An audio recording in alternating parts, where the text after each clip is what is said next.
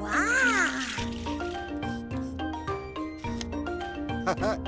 Agua el palillo dute. Bai. Prest ipuin txikiak eta soinu handiak. Itxaro nahi da, unetxo bat. Ra, ra. Mm, La, la, la, la, la, la, la, la, la. Piau. primeran, orain bai, grabatzera seme danbor, Eta ita txor-txor, biok aurkeztu da, ipuin txiki, soinu handi. gaur gurekin, Tarataratata. oiu zena, Demetrio Vallejoren ipuina. Tarataratata. Jolas ordua heltzen denean kolorez, jolasez eta barrez betetzen da ikastetxeko patioa. Julianak gaur ez du uniformea jantzi, loredun soineko polita dauka eta lagunekin sokan jolasean astindu egiten zaio salto egiten duen bakoitzean. Aizea dabil eta zangoak ez dizkio beste ezerk estaltzen. Hiru mutikok nagusiagoak barre egin diote. Galtzontzillo horiak dauzka, galtzontzillo horiak dauzka. Mihia atera eta burla egiteko Julianak erantzun die. Nire barneko arropek ez dizuete asala, eta ez dira galtzontzilloak, kuleroak dira, inozoak. Irteteko txirrinak jo duenean Juliana harineketan joan da amonarengana. Autoan etortzen baita etxera eramateko. Kaixo, amona, Kaixo bihotza! Mua. Ze moduz eskolan? ondo, eta zu, ze moduz lanean. Oso ondo, baina esan asko ikasi duzu gaur? Ba, asko asko ez, edo... Bai, gaur mutiko batzuk inozoak direla ikasi dut, adibidez Niko, Ramon eta Sebas. Barre egin didate sokan saltoka kuleroak ikusi dizkidatelako. Eta zer dute ba barregarririk zure kuleroek? Ez errez, kuleroak beharrezkoak dira, baina ez barre egitekoak, seguru asko eurek ere ez zekiten zergatik egin duten barre.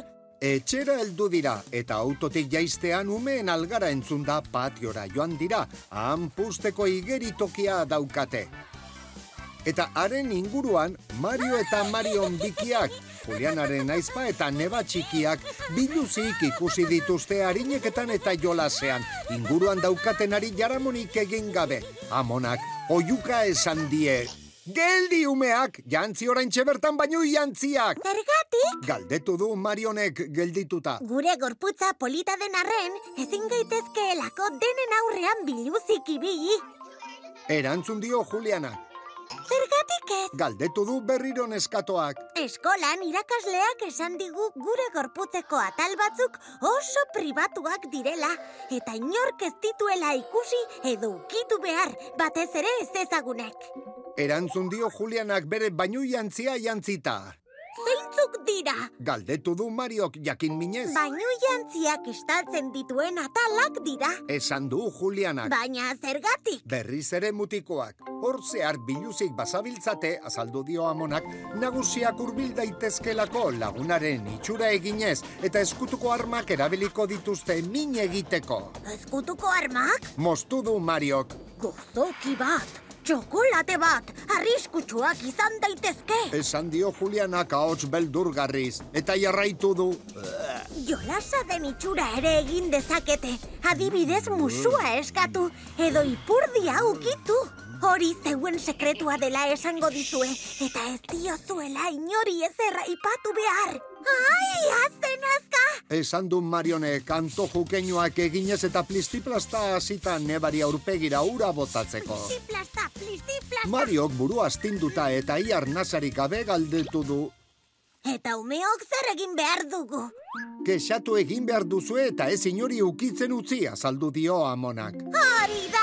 Esan du Julianak. Umeok ahotsarekin defenditu behar dugu. Ez bata zorrotza balitz bezala erabilita. Ua! Ja!